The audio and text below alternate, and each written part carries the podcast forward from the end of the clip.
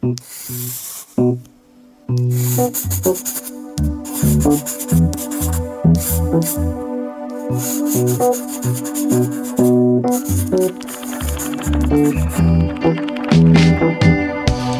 bij de Potloodcast, een initiatief van de Illustratieambassade. Ik ben Jelly Brouwer en in deze podcast duik ik elke maand in het leven en het brein van een illustrator.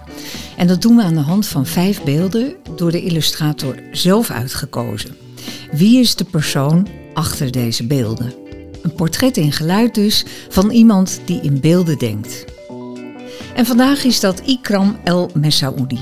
Ze vertelt met haar fijnzinnige illustraties een ingetogen en poëtisch, maar ook maatschappijkritisch verhaal. Naast illustrator is ze ook oprichter van Beyond the Root, waar ze een kritisch antwoord wil geven op de huidige mode-industrie. Ik ontmoet haar in het kantoor van de Illustratieambassade in Amsterdam. We praten over haar bronnen en hoe het allemaal begon. Ikram El Messaoudi, 31 jaar, opgeleid in eerste instantie uh, aan de HKU in Utrecht, modeafdeling. En daarna heb je je master gehaald in Arnhem bij Artes.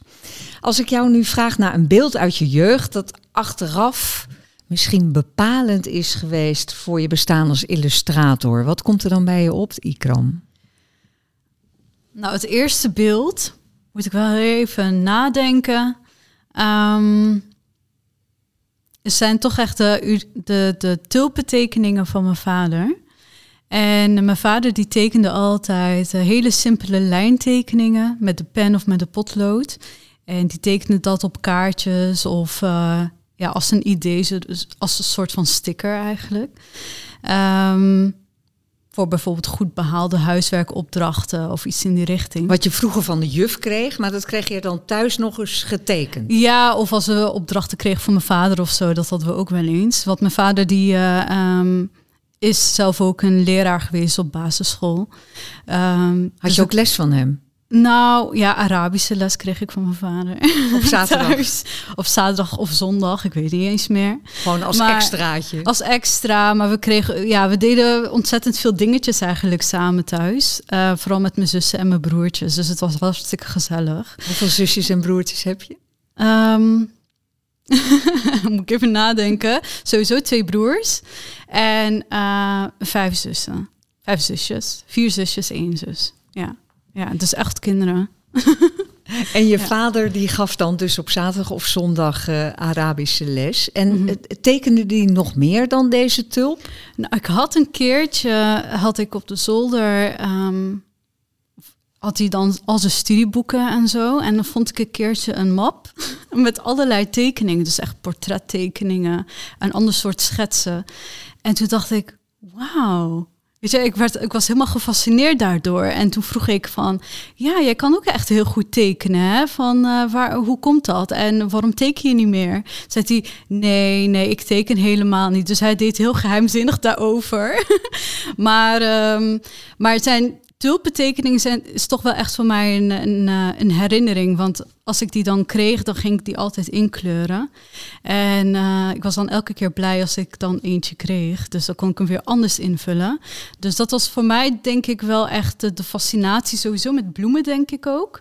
En uh, met tekenen. En, en hoe oud was je? Herinner je dat nog, toen je die tekenmap van hem op zolder vond?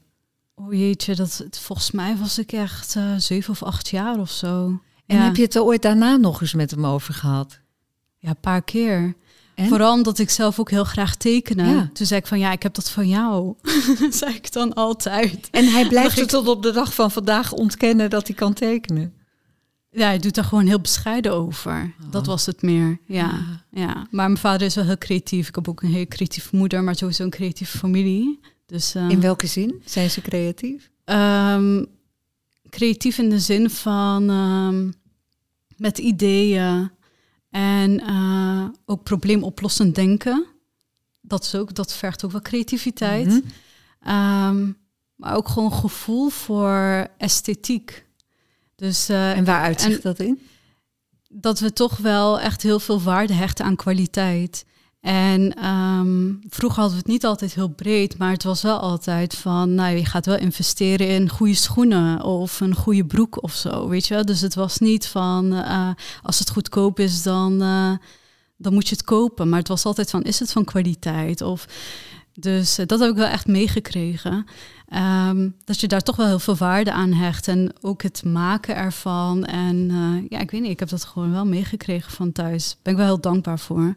Ja. En uh, als je het dan hebt over esthetiek, kwaliteit is natuurlijk bijna ook altijd mooi van, mm -hmm. toch? Dan, dan heb je het over die esthetiek omdat het van kwaliteit is. Ja, maar dat, dat ik vind ambacht sowieso wel heel erg uh, mooi. Mm -hmm. um, maar het hangt ook een beetje vanaf van wat, wat betekent kwaliteit voor jou. Dus ik vind iets wat met hand gemaakt is, met liefde gemaakt is, of echt met een, een, een boodschap of met verhaal, vind ik uh, van kwaliteit. En um, als het ook daarnaast duurzaam is, weet je, zodat het echt langer kunt Mhm. gebruiken, dan is het alleen maar een plus. Um, maar ik hou niet echt van namaak of kopietjes of iets in die richting. Denk En van, van ja, dat huis niet- uit dus niet. Nee, nee. En we zijn ook altijd van originele ideeën en dan de rest die doet dan daarin mee of zo. Mijn vader had altijd de, de ideeën, zeg maar. en, uh, Waar denk en je de- dan direct aan? Ehm, bijvoorbeeld de activiteiten die we deden of zo. Zoals? Eh, nou, we gingen bijvoorbeeld... eh, ik kan me herinneren dat... eh, vooral in de winter, dan eh, maakte mijn vader voor ons een hut. En ehm, dan gingen wij er allemaal in en dan met lichtjes. En dan ging hij voor ons op de blokfluit spelen, Nee. bijvoorbeeld. Het is een heel Eh, idyllisch beeld. Ja, ja, maar dat soort dingen deden we dan. En dan eh, gingen we liedjes bedenken en zo. En eh, ja, en het is niet iets. Ik denk niet dat hij het ergens heeft gezien of zo, maar dat hij denkt gewoon van, oh, hier is behoefte aan, of dit is leuk om te doen. Uh, en dat doet hij dan. Wanneer Ja. werd duidelijk dat jij eh, zou gaan tekenen? Illustreren? Ja, voor mij is het echt. Ik kan me niet echt een moment bedenken waar het echt is begonnen. Ik heb het gevoel dat ik het altijd heb gedaan. En ehm, En werd dat gestimuleerd? ja, dat werd wel gestimuleerd. Ik deed het echt in de basisschool al en eh, in de middelbare school ook. Ehm, op de basisschool zat ik op een islamitische basisschool. Dus die tekeningen die ik daar maakte waren heel erg ehm, ja, of natuur of heel religie gerelateerd. Ehm, maar op de, basisschool, eh, op de middelbare school toen... ehm, Wacht even, even terug naar die Mhm. basisschool. Want ja, een islamitische basisschool, wordt dat dan van je verwacht? Of, of Nou, zit dat dan in jouw hoofd? Als Nou, we hadden bijvoorbeeld tekenwedstrijden, ik noem Mhm. maar wat.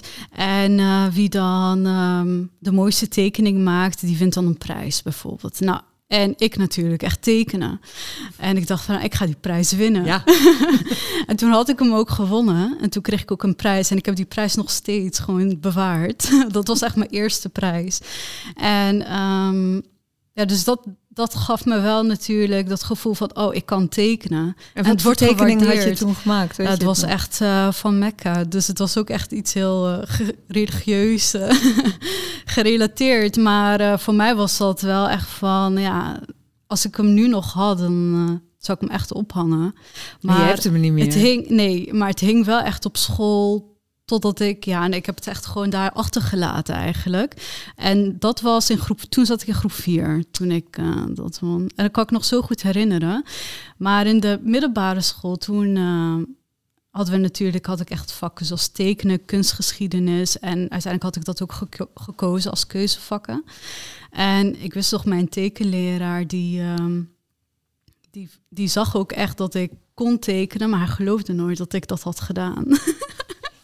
En eh, die zei van, ja, je hebt de test gewoon getekend of je hebt het overgetekend. Hij kon het niet geloven. hij kon het niet geloven. En, eh, en ik dacht van, hoe komt dat dan? Dus ik had echt het gevoel dat ik mezelf moest bewijzen. En toen ging ik echt tekenen in de lessen. Om te laten zien van, kijk, ik heb het toch echt wel zelf gedaan. En, wat wa- was toen je onderwerp? Of kreeg je heel gerichte nou, opdrachten? toen was het echt meer... ehm, nou, we kregen natuurlijk wel opdrachten. Maar als, als we bijvoorbeeld vrije opdrachten kregen, dan was het echt uh, portrettekeningen. En ik was altijd wel geïnteresseerd in mensen, in bewegingen, in emoties. En ehm, ja, en ik, ik ging gewoon heel veel oefenen en heel veel spelen met materialen en met technieken. En uh, ik had wel het gevoel dat ik het allemaal soort van zelf deed, omdat, omdat ik ergens dan interesse in heb en ik ga er dan voor. um, maar ja, dus dat, dat, was eigenlijk mijn middelbare schooltijd. Dus dat ik heel veel uh, ging tekenen, veel met potlood. En moet ik me voorstellen dat je dan, als je naar huis ging en ik zie mm. al die broertjes en zusjes om me heen, zat je dan ook ergens in een hoekje verder te tekenen? Of hoe? Ja, aan mijn bureau. Ja, dan ging ik gewoon verder tekenen. Ja. Met goede materialen ook. Oh, met potlood meestal eigenlijk. Ja, of met kleurpotlood, maar dat was niet echt per se van uh, goede kwaliteit zoals ik die nu zeg maar gebruik. En ik kende ook helemaal niet een, een kunstwinkel of een uh, kunstbenodigdheden of zo. Dat kende ik helemaal niet. Alleen de V&D destijds. maar... Um, en hoe kwam je toen op het spoor um, om illustrator uh, te worden, om, om, kunstenaar te worden? Nou, ik had, um, ik kan me nog goed herinneren, in de basisschool uh, kreeg ik een kladblok. Volgens mij was het de groep 7 of groep 8. En je kent wel de, de, de soort van A5-achtig. Dus wat smaller dan een A5 en dan van die grijze kladblokjes, weet je, grijs papier. En die gebruikte ik dan om uh, kleding te ontwerpen. Want ik vond het dan leuk om kleding te ontwerpen. Ik weet echt niet waar die fascinatie vandaan komt. En dat was al op de basisschool? Dat was op de basisschool. En toen begon ik eigenlijk al met ontwerpen. En helaas heb ik dat boekje niet meer. Maar in de middelbare school ging ik natuurlijk daarmee verder. En toen werd het echt met stiften, met kleurpotloden. En, um, ja, en toen en wat voor kleding ontwierp je dan? Nou, in, eerste, nou, in, in de basisschool weet ik eigenlijk niet meer wat het was. Maar op, op de uh, middelbare school was het voornamelijk traditionele Marokkaanse kleding. Dat ik die ontwierp, maar dan ook gemixt met westerse kleding. Weet je, dus ik maakte een soort van mijn eigen interpretatie daarvan. En uh, ik kreeg van huis uit heel erg mee uh, al die Marokkaanse jurken en elke feestgelegenheid moest je dan weer een ander jurk aantrekken. En nou ja, dan keek ik bij al mijn tantes en nichten en zo dacht ik van wauw. Weet je, dus dat vond ik echt uh, fantastisch. Het een nog kleurrijker dan het andere. Ja, ja, precies. Al die bruiloften die je meemaakt. Nou, dat waren niet zoveel oh, nee. hoor, maar... maar, ik maar dat was wel echt een herinnering, vooral in Marokko. En uh, dan gingen we naar het platteland of zo. En dan was dan een, een bruiloft. En dan zag je al die mooie kleding uh, van al die vrouwen. En ja, dat is mij wel echt bijgebleven, die fascinatie. En wat was dan de westerse toevoeging die je er toch bij maakte altijd? Nou, bijvoorbeeld een broek. Um, Zo'n heel oh, oh. Eh, klein stukje broek, wat dan onder die hele mooie jurk uh, uitpiept. Ja, niet per se een klein stukje, maar dat je bijvoorbeeld in plaats van een jurk, er zitten bepaalde details, zeg maar, mm. die, die typisch Marokkaanse kleding maakt. En uh, nou, die extra toevoegingen, die, die stopte ik dan in een blouse of zo, weet je wel. Dus uh, het hoeft niet dan echt per se een jurk te zijn. Maar ja, zo was ik dan eigenlijk bezig. Maar ik had eigenlijk die uh, twee inspiraties. Weet je, wat ik van huis uit meekreeg en wat ik dan hier zag in de winkels en zo. Dus maar mode, mode, dat kende ik dan nog niet, de Chanel of zo. En dat was dan. En je zegt, ik weet, ik heb geen idee waar het vandaan kwam, die fascinatie voor mode. Weet je het echt niet? Nee, ik denk dat ik, ik denk vooral in de middelbare school. Um, dan ben je sowieso wel heel erg bezig met uh, kleding. En hoe je, je eigen identiteit. Ja, mhm. precies. Van hoe ga ik dat vertalen in mijn kleding. En uh, ik zat weer op een hele witte school, witte middelbare school. Dus dat was sowieso heel anders. En een enorme overgang lijkt me. ja, na die islamitische basisschool. Ja, precies. Dat, dat sowieso. En ook als je kijkt in de context, weet je, ik zat in 2001 zat ik dan in de eerste klas en dat was dan 11 september en al, nou, nou, al die dingetjes. Dus dat was ook niet echt een hele fijne periode voor mij, die middelbare school in die zin. Um, want een fase in je leven dat je aan zelfontplooiing en ontwikkeling doet, want ja, puber. En ja. dan gebeuren die grote dingen en daarmee word je dan geconfronteerd of uh, aangesproken en dan denk van ja, maar ik ben helemaal niet zo politiek uh, ingericht. Uh, dus dan ga je op zoek, weet je, naar informatie, omdat je dan echt het idee hebt dat je daar soort van um, de spokesperson voor bent of zo. Weet je, echt al op je twaalfde, dertiende. maar ja, ik had ook een aantal leraren die, daar, die daar heel erg in meegingen, weet je. Dus um, dat was ook niet echt prettig, weet je. Dan word je wel echt als ja, van oké, jij bent de spokesperson voor een hele geloof en voor al die mensen over de hele wereld en die daarin geloven. wat vind jij er dan van, Ikram? dat soort ja. vragen. Maar ook gewoon statements, weet je, van ja, zij zijn zo, weet je wel. Dus dan wordt het eigenlijk al een soort van geclaimd. En dan zit je daar zo van, ja, maar eigenlijk is het niet zo. Maar ik durf me niet echt helemaal uit te spreken, want ik ben de enige die daar zo in zit. Ehm, en hoe ga je dat tackelen, zeg maar? Dus al, ja, dat heb ik natuurlijk wel op jonge leeftijd eigenlijk al meegekregen. Wel interessant, hè? Want we hadden het over waarom je bij die mode terecht kwam. Mhm. En jij vertelt nu over 9-11 en de nasleep. Mhm. En dan klinkt het in mijn oren alsof die mode een soort vlucht was om, om daar weg te zijn en daar je identiteit te laten zien? Of hoe interpreteer je het zo? Nou, echt, nee, dat was toen nog niet zo dat ik het echt zag als een uitvlucht of iets. Maar ik was wel natuurlijk met mijn identiteit bezig. En um, en ook in de kleding bijvoorbeeld, dat ik heel erg op zoek was, niet per se naar uh, traditionele kleding of zo. Nou, dat droeg ik sowieso niet in mijn dagelijkse leven toen. Uh, maar, dat, uh, maar ik droeg wel een hoofddoek. En toen was ik wel echt op zoek naar manieren om, om het anders te dragen, bijvoorbeeld. De hoofddoek? Ja, de hoofddoek. En um, gewoon heel experimenteel eigenlijk met kleding, stijlen, van hoe kan ik het combineren. Want nu heb je natuurlijk ook in de mode dat het heel erg uh, verschillende culturen, verschillende soort mensen omarmt. En dat mode daar soort van rekening mee probeert te houden. Maar in die tijd was dat natuurlijk helemaal niet zo. Dus dan ga je heel creatief daarmee om. En toen had je bijvoorbeeld de rokken over een broek of zo. Dat kon helemaal niet. Of een jurkje boven een broek. Dat kon helemaal niet. Weet je, dat kwam later pas. Maar dat is wel iets wat ik bijvoorbeeld deed als een soort van oplossing. om, om toch mee te gaan met, met trends. Ja. En met medeleerlingen op die witte school. Ja, ja, ja, precies. En, um, maar toen ik, uh, uh, nou, ik, ik wist sowieso toen ik uh, op de HAVO zat van, nou, ik wil verder gaan met de mode. Maar in eerste instantie wist ik nog niet zo heel goed wat de mogelijkheden waren binnen mode. Ik dacht alleen van, ik vind kleding heel interessant en um, ik vind um, tekenen heel erg leuk om te doen. Uh, maar ik wist nog niet zo goed hoe dat zich zou gaan vertalen. Maar ik wist wel dat ik heel erg uh, hield van ideeën bedenken, et cetera. Dus ik ben uh, toen eigenlijk nou ja, me gaan inschrijven voor kunstacademies. En eerst was het op de Artes. En nou ja, toen merkte ik ook al toen ik uitgenodigd werd voor, voor een gesprek dat het al meteen een nee zou worden. Die keken niet eens echt in mijn portfolio. Dat was echt. Ja, Hoezo? en mijn vader die bracht mij, wist ik nog heel goed. En mijn vader die was ook al van, ja, ik weet niet of je echt mode moet studeren. Doe maar gewoon iets serieus. en ik zei, ik had een soort van deal afgesloten met hem. Van, nou, oké, als ik niet toegelaten word, dan ga ik of wiskunde studeren of psychologie. En toen zei hij, oké, is goed, deal.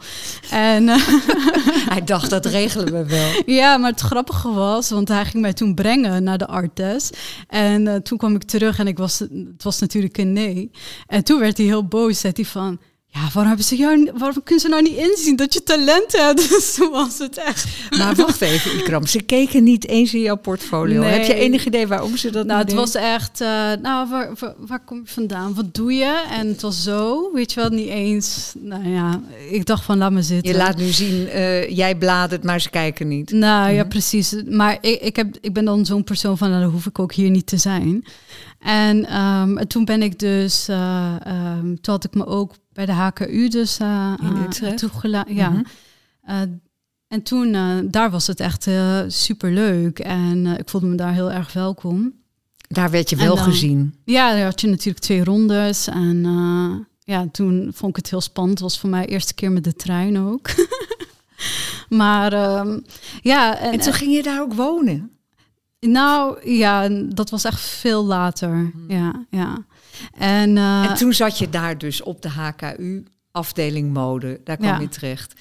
En uh, wat is dan het beeld wat je in je hoofd hebt, Mhm. wat, waarvan je zegt dat was eigenlijk de overgang, dat het serieus werd? Toen kwam de kunstenaar Ikram naar boven. Nou, wat ik al snel merkte is, eh, want ik had een soort van, ik, ik doe dat altijd, dat ik eh, met mezelf afspraken maak. Dus eh, toen wist ik al van, oké, ik, eh, want ik merkte al snel dat ik niet helemaal mezelf kon zijn. Want ik dacht, ik moet mezelf eerst gaan bewijzen. En ehm, toen heb ik met mezelf afgesproken, ik ga alleen maar spelen. Gewoon mijn hele opleiding ga ik alleen maar spelen, zodat ik echt mijn intuïtie kan gaan trainen en dan vanzelf ook een richting inga. Weet je wel? Dus dat ik gewoon vanzelf kijk van oké, dit vind ik leuk, hier zit wat in. En, eh, en dat ga ik dan verder steeds onderzoeken, wat dat dan precies is. Ehm, dus dat heb ik eigenlijk gedaan. Maar waar ik al snel achter kwam is ehm, dat, dat er zoveel mis was met de mode, omdat ik mezelf niet echt in kon vinden.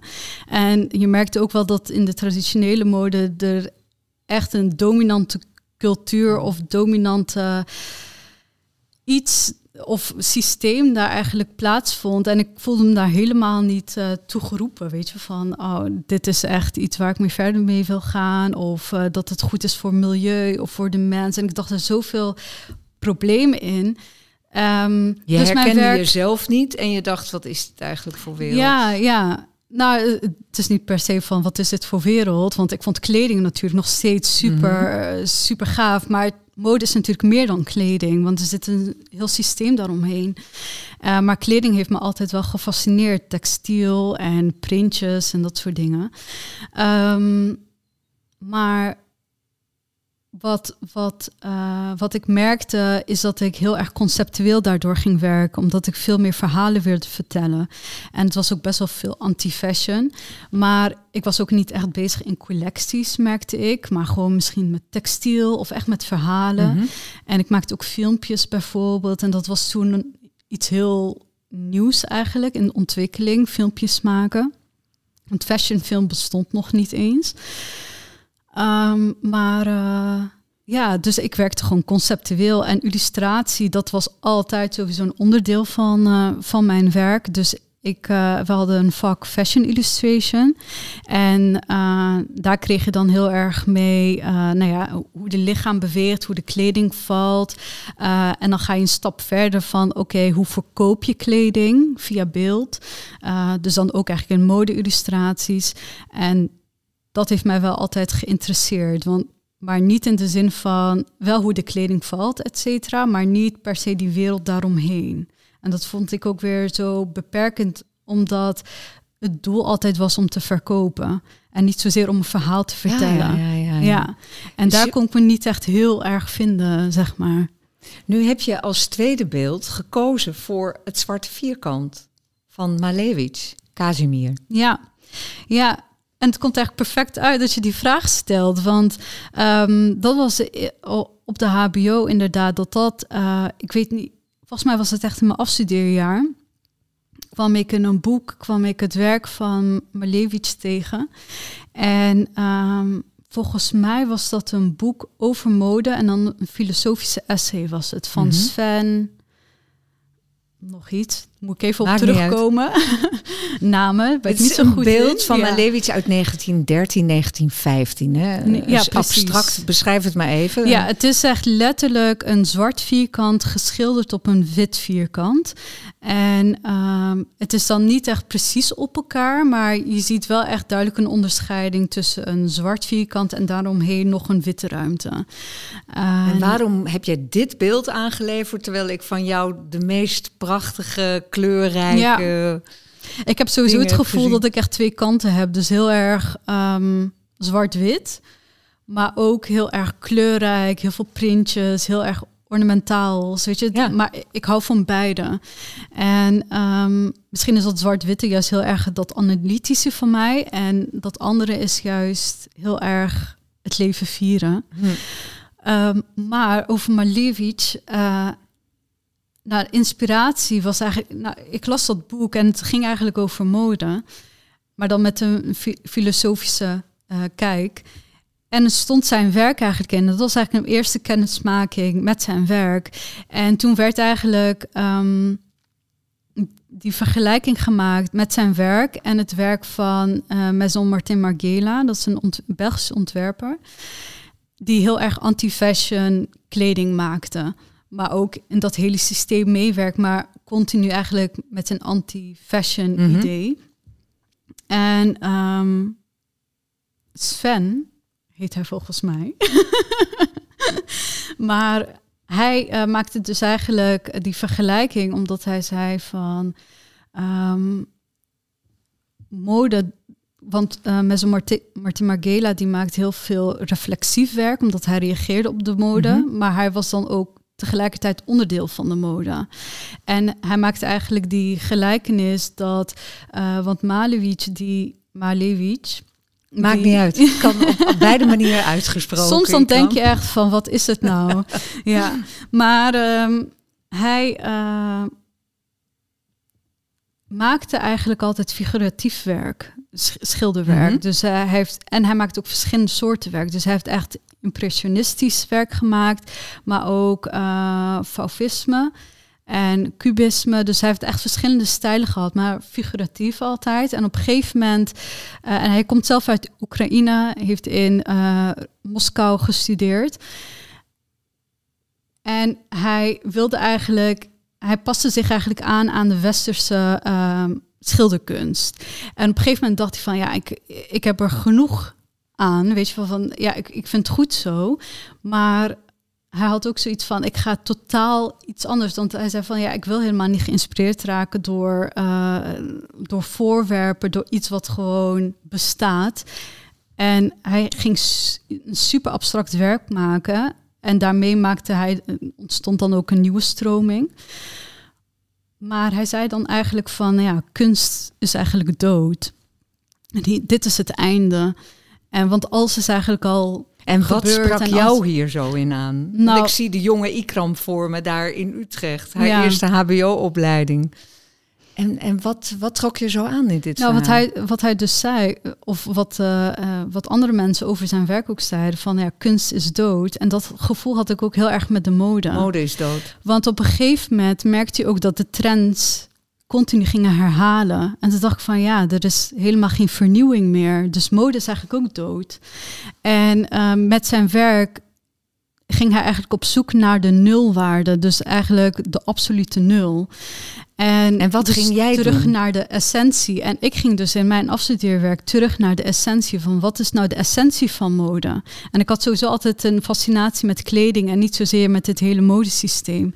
En ik vond dat wel heel interessant, vooral merkidentiteit, VS, persoonlijke identiteit. Want het wordt, het wordt, er wordt zoveel van jou eigenlijk ingevuld. En ik mis een beetje die vrije interpretatie of die ruimte om, om zelf dingen te ontwikkelen. Dus dat je alleen kleding krijgt en je mag zelf bepalen van hoe je dat combineert in plaats van dat je al een voorbeeld ziet. En nou, ja, op zoek naar die essentie vond ik dan in ieder geval heel interessant. Dus ik, ik ben daar eigenlijk mee eh, gaan werken. Ja. En eigenlijk is dat beeld ook altijd de inspiratie geweest in al mijn werk. Dat ik op zoek ga naar die leegte. Want die En leegte... dan komen we opeens uit, op zoek naar de leegte. Mhm. En dan is daar een, een beeld waar we eh, terechtkomen, Mhm. een madeliefje. Ja, En dan moet jij uitleggen wat daar de ontstaansgeschiedenis van is. ja, dat is... ehm, Je werkte samen met een bioloog. Ja, en, eh, en ook met een motion designer en met eh, een muziekmaker. Dat is dan eh, drie jaar later, na mijn andere afstudeerwerk. Want toen had ik een tussenjaar genomen en toen ben ik eigenlijk de Fashion Masters gaan, eh, gaan doen. Op Artes, op Arnhem. Artes, inderdaad. En dat was dan eigenlijk het moment van, oké, ik Wilde ga... je nog wel wat met die mensen te maken hebben trouwens? Of dacht je, ik zal ze nu eens laten zien wat er van deze Ikram Nou, ik had heel erg behoefte om, ehm, om mezelf te onderzoeken. Van hoe zie ik mijzelf? Dus dat ik heel erg mijn eigen verhaal wilde vertellen in plaats van mezelf aanpassen steeds. Vooral omdat HBO meer een speelruimte was voor mij. Van ik, ik, ik kijk wel. Dus ik had het gevoel dat mijn intuïtie wel helemaal goed was. Ehm, maar eh, voor mijn masters was het eigenlijk meer van: oké, wie ben ik? En hoe ga ik daar mijn weg in vinden? En eh, Bloom, A Journey to Harmony, is daar eigenlijk het resultaat van. Dat is mijn afstudeerwerk voor Fashion Masters. En ehm, ik ben niet echt een ontwerper of uh, illustrator of kunstenaar. Ja, ik weet nog steeds niet wat ik ben. maar um, dat onderzoek is nog steeds gaande. Ja, ja, maar ik noem mezelf gewoon illustrator, omdat het in alles terugkomt eigenlijk. En um, nou ja, wat, ik ben zelf niet echt een, een uh, illustrator of kunstenaar die echt schreeuwt om aandacht of zegt van nee, dit moet niet zo. Of dat ik echt heel erg anti ben. Maar ik ben heel erg toch teruggetrokken. Dus, uh, en ook wel heel poëtisch in mijn werk.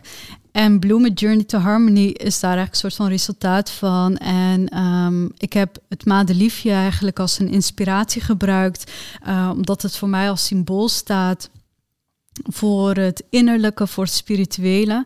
Want ik had heel erg het gevoel dat mode heel erg bezig was met uiterlijkheden, uh, met veranderingen aan de buitenkant, maar niet zozeer aan de binnenkant. Uh, dus echt die intrinsieke waarde en die interne waarde van uh, bijvoorbeeld, ja, vooral als we nu bijvoorbeeld spreken over diversiteit, inclusiviteit, dan zie je bijvoorbeeld nu in de mode nou ja, meer donkere modellen of ander soort modellen die anders uitzien. En dan denk ik van ja, dat is het buitenkant. Maar wat gebeurt er binnen? Zitten daar ook nu veranderingen? En dan heb ik het over productie. Dan heb ik het echt over de mensen die daar werken. Um, dus daar moet vooral eigenlijk die veranderingen ontstaan. Kortom, de hele industrie. Ja, ja, en dat, dat is iets wat niet uh, meteen uh, veranderd kan worden natuurlijk. Even um, naar jouw prachtige filmpje, want ja, daar wil ik echt graag... Daar wil ik naar terug gaan. Ja, ja, ja, ja, En uh, dus daar gaat eigenlijk het filmpje over. Dus dat niet alleen over het uiterlijk gaat, maar vooral over het innerlijk. Dus het is eigenlijk een soort van um, oproep tot verandering. En ik heb dus dat uh, uh, maatliefje eigenlijk gebruikt als symbool voor die innerlijke waarden. Dus voor spiritualiteit en voor innerlijkheid. En dat is iets wat ik zelf eigenlijk heb gegeven. En dat probeer ik altijd in mijn werk, conceptueel werk te doen. Van dat ik een natuurelement eigenlijk gebruik en daar mijn eigen uh, ideeën over te bedenken van oké, wat betekent dit voor mij? En uh, in dat filmpje zie je dan ook dat het eerst begint met, um, met verschillende madeliefjes. Want we leven nou eenmaal in een wereld met andere mensen. en, het meest simpele bloempje, een madeliefje. Ja, ja, ja. Maar, maar, maar nog heel even, want je ging mhm. dus naar een bioloog. Mhm. En samen met hem of haar dook je als het ware in dat madeliefje. Ja. ja, dat was mijn vooronderzoek. Want mijn concept was dan eigenlijk dat je, uh, dat je niet alleen het madeliefje van de, van de buitenkant bekijkt, maar vooral eigenlijk van de binnenkant. Mhm. En um, en ik wist niet zo goed hoe het van binnen eruit kon zien. Dus ik kon, ik kon op internet ook niet zo heel veel vinden. Uh, maar ik dacht van, hé hey ja, ik ga, ik, ik ga gewoon op onderzoek uit en uh, ik betrek andere mensen erbij. Dus ik was inderdaad in samenwerking met de bioloog. Uh, heb ik een echt een aantal madeliefjes zitten plukken met wortels. en al. Ja, en, en al. toen met een microscoop echt daarin ja. gedoken. Ja. En, en wat je nu in dat filmpje laat zien, is nou ja, jij hebt het als het ware verbeeld, ge mm -hmm. geïllustreerd, mm -hmm. wat jij zag via die microscoop. Ja. En nu is er een filmpje waarbij je, ja, mensen moeten gewoon gaan kijken, maar om een beetje een beeld te geven zonder dat je het hebt gezien, met zo'n ouderwetse kaleidoscoop in mm -hmm. het bloemetje verdwijnt. Ja, bijna wel. Door jouw ja. tekentechniek. Ja, bijna wel. Ja. ja, want ik heb die beelden van een bioloog heb ik als inspiratie gebruikt. En uh, nou, alleen daarvan heb ik eigen, hand, ja, eigen, eigen illustraties eigenlijk gemaakt. Dus met, uh, met kleurpotloden. En um, elke fase, dus eigenlijk moet je het filmpje gewoon zien, ja. want je gaat verschillende stadia eigenlijk in. En je weet niet wat je ja. ziet, want het is waanzinnig mooi. Ja, want je gaat uh, verschillende stadia eigenlijk in tot dus die leegte. Maar um, ik heb dus eigenlijk elke stadia heb ik wel uh, aparte tekeningen voor gemaakt, zodat het nog steeds van hoge kwaliteit is wat betreft pixels. Dus je kan niet zo diep gaan inzoomen natuurlijk, want dan um, ja. wordt het gewoon blurry. um, dus daar heb ik wel rekening mee gehouden en ik heb dus echt wel goed contact gehad of veel gesproken met uh, motion designer. Tashina heet ze. En, um, en zij vertelde mij van, oh ja, nee, hier wordt het al wat vaag als ik verder inzoom. Dus hier moet een nieuwe tekening. Dus en dan ging ik daar weer een nieuwe tekening voor maken. En zo hadden we dat dan eigenlijk opgebouwd, al die lagen die nodig waren.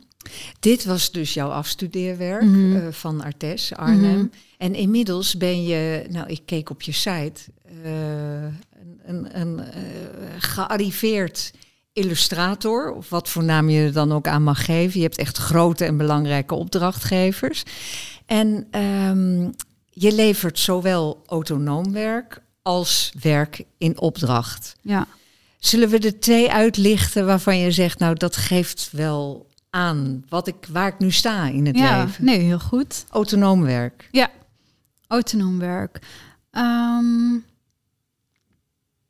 even kijken, welke zal ik eh, de bijvoorbeeld de, De kinderen de van kinderen juf van Kiet. juf Kiet. Ja, nou, dan, die, heb ik ik voor illustratiebiennale gemaakt, dus dat is al helemaal goed. maar ehm, ja, dat was inderdaad een opdracht van en het eh, eh, was naar aanleiding van ehm, De eh, filmaffiches, hè? filmfestival. 40 Ja. jaar filmfestival. 40 Utrecht. jaar filmfestival en dat moest gevierd worden natuurlijk. En toen eh, kregen we een lijst van eh, de Gouden Kalven winnaars. winnaars van de regisseurs inderdaad. En ehm, nou, ik had meteen eigenlijk de kinderen van Juf Kiet uitgekozen. Dat was de eerste film die mij aansprak. En, toen Had je me het- in de tijd gezien? Nee, nooit. Documentaire? Ja, ja, maar het was ontzettend mooi. Ja. Ja, Even en- in het kort speelt zich af eh, op een, eh, in, een, in een schoolklas. De kinderen Ja. van eh, juf Kiet. van net gevluchte kinderen, jonge kinderen. En, ehm, en wat ik zo mooi vond aan het film is dat er helemaal geen commentaar werd gegeven. Het werd niet ingevuld voor die kinderen. En dat vond ik zo mooi. En ook dat de regisseurs, nou weet ik de namen even niet. Dat hoeft ook niet. Maar eh, nou, dat zullen we op de website Mhm, eh, wel aangeven. Ehm, maar dat zij dan echt op ooghoogte van die kinderen gingen filmen. En het was ook zo poëtisch, zo mooi hoe dat allemaal eh, naar voren kwam. En, en dan kon je echt heel goed zien wat die kinderen allemaal meemaakten, hoe zij het gingen ervaren. Want ja, dat hoef je niet te vertellen. Want zo op die manier krijg je dus eigenlijk hun eigen beleving mee.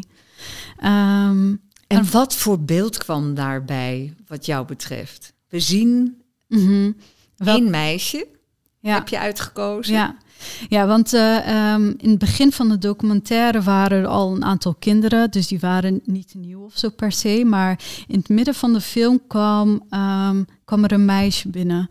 En dus wij hebben haar eigenlijk als kijkers voor het eerst meegemaakt. En hoe zij dus eh, met die anderen omging, hoe zij ging wennen aan de rest, aan nou ja, school, alles.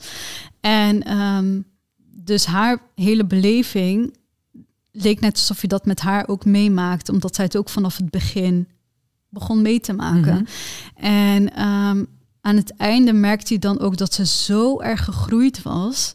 En dat zij in plaats, nou, in het begin was ze heel erg verlegen, heel erg zoekende. En een paar- was een meisje die heel erg dominant was en haar ging meenemen in alles. En zij vond eigenlijk heel veel dingen niet leuk van wat ze deed. En eh, aan het einde kreeg ze echt die zelfvertrouwen. Ehm, en begon ze ook echt terug te spreken van nee, dat wil ik niet. En dan maakte ze andere vriendjes bijvoorbeeld. En dat vond ik zo leuk om te zien. Maar ook ehm, los van... En van- dat werd jouw hoofdpersonage dat werd mijn hoofd. beeld. Ja, precies. Waarschijnlijk ook omdat je je wel enigszins kon identificeren met het meisje, denk je ook niet?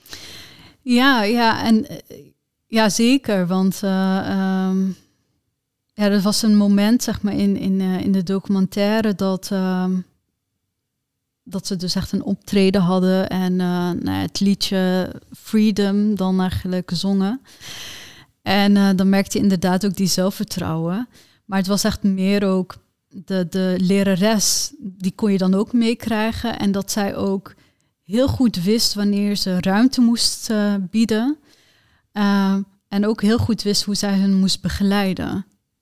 En natuurlijk komen ze allemaal van trauma's en uh, ze komen ergens vandaan waar het uh, nou, niet goed ging. Um, dus daar hield ze ook rekening mee.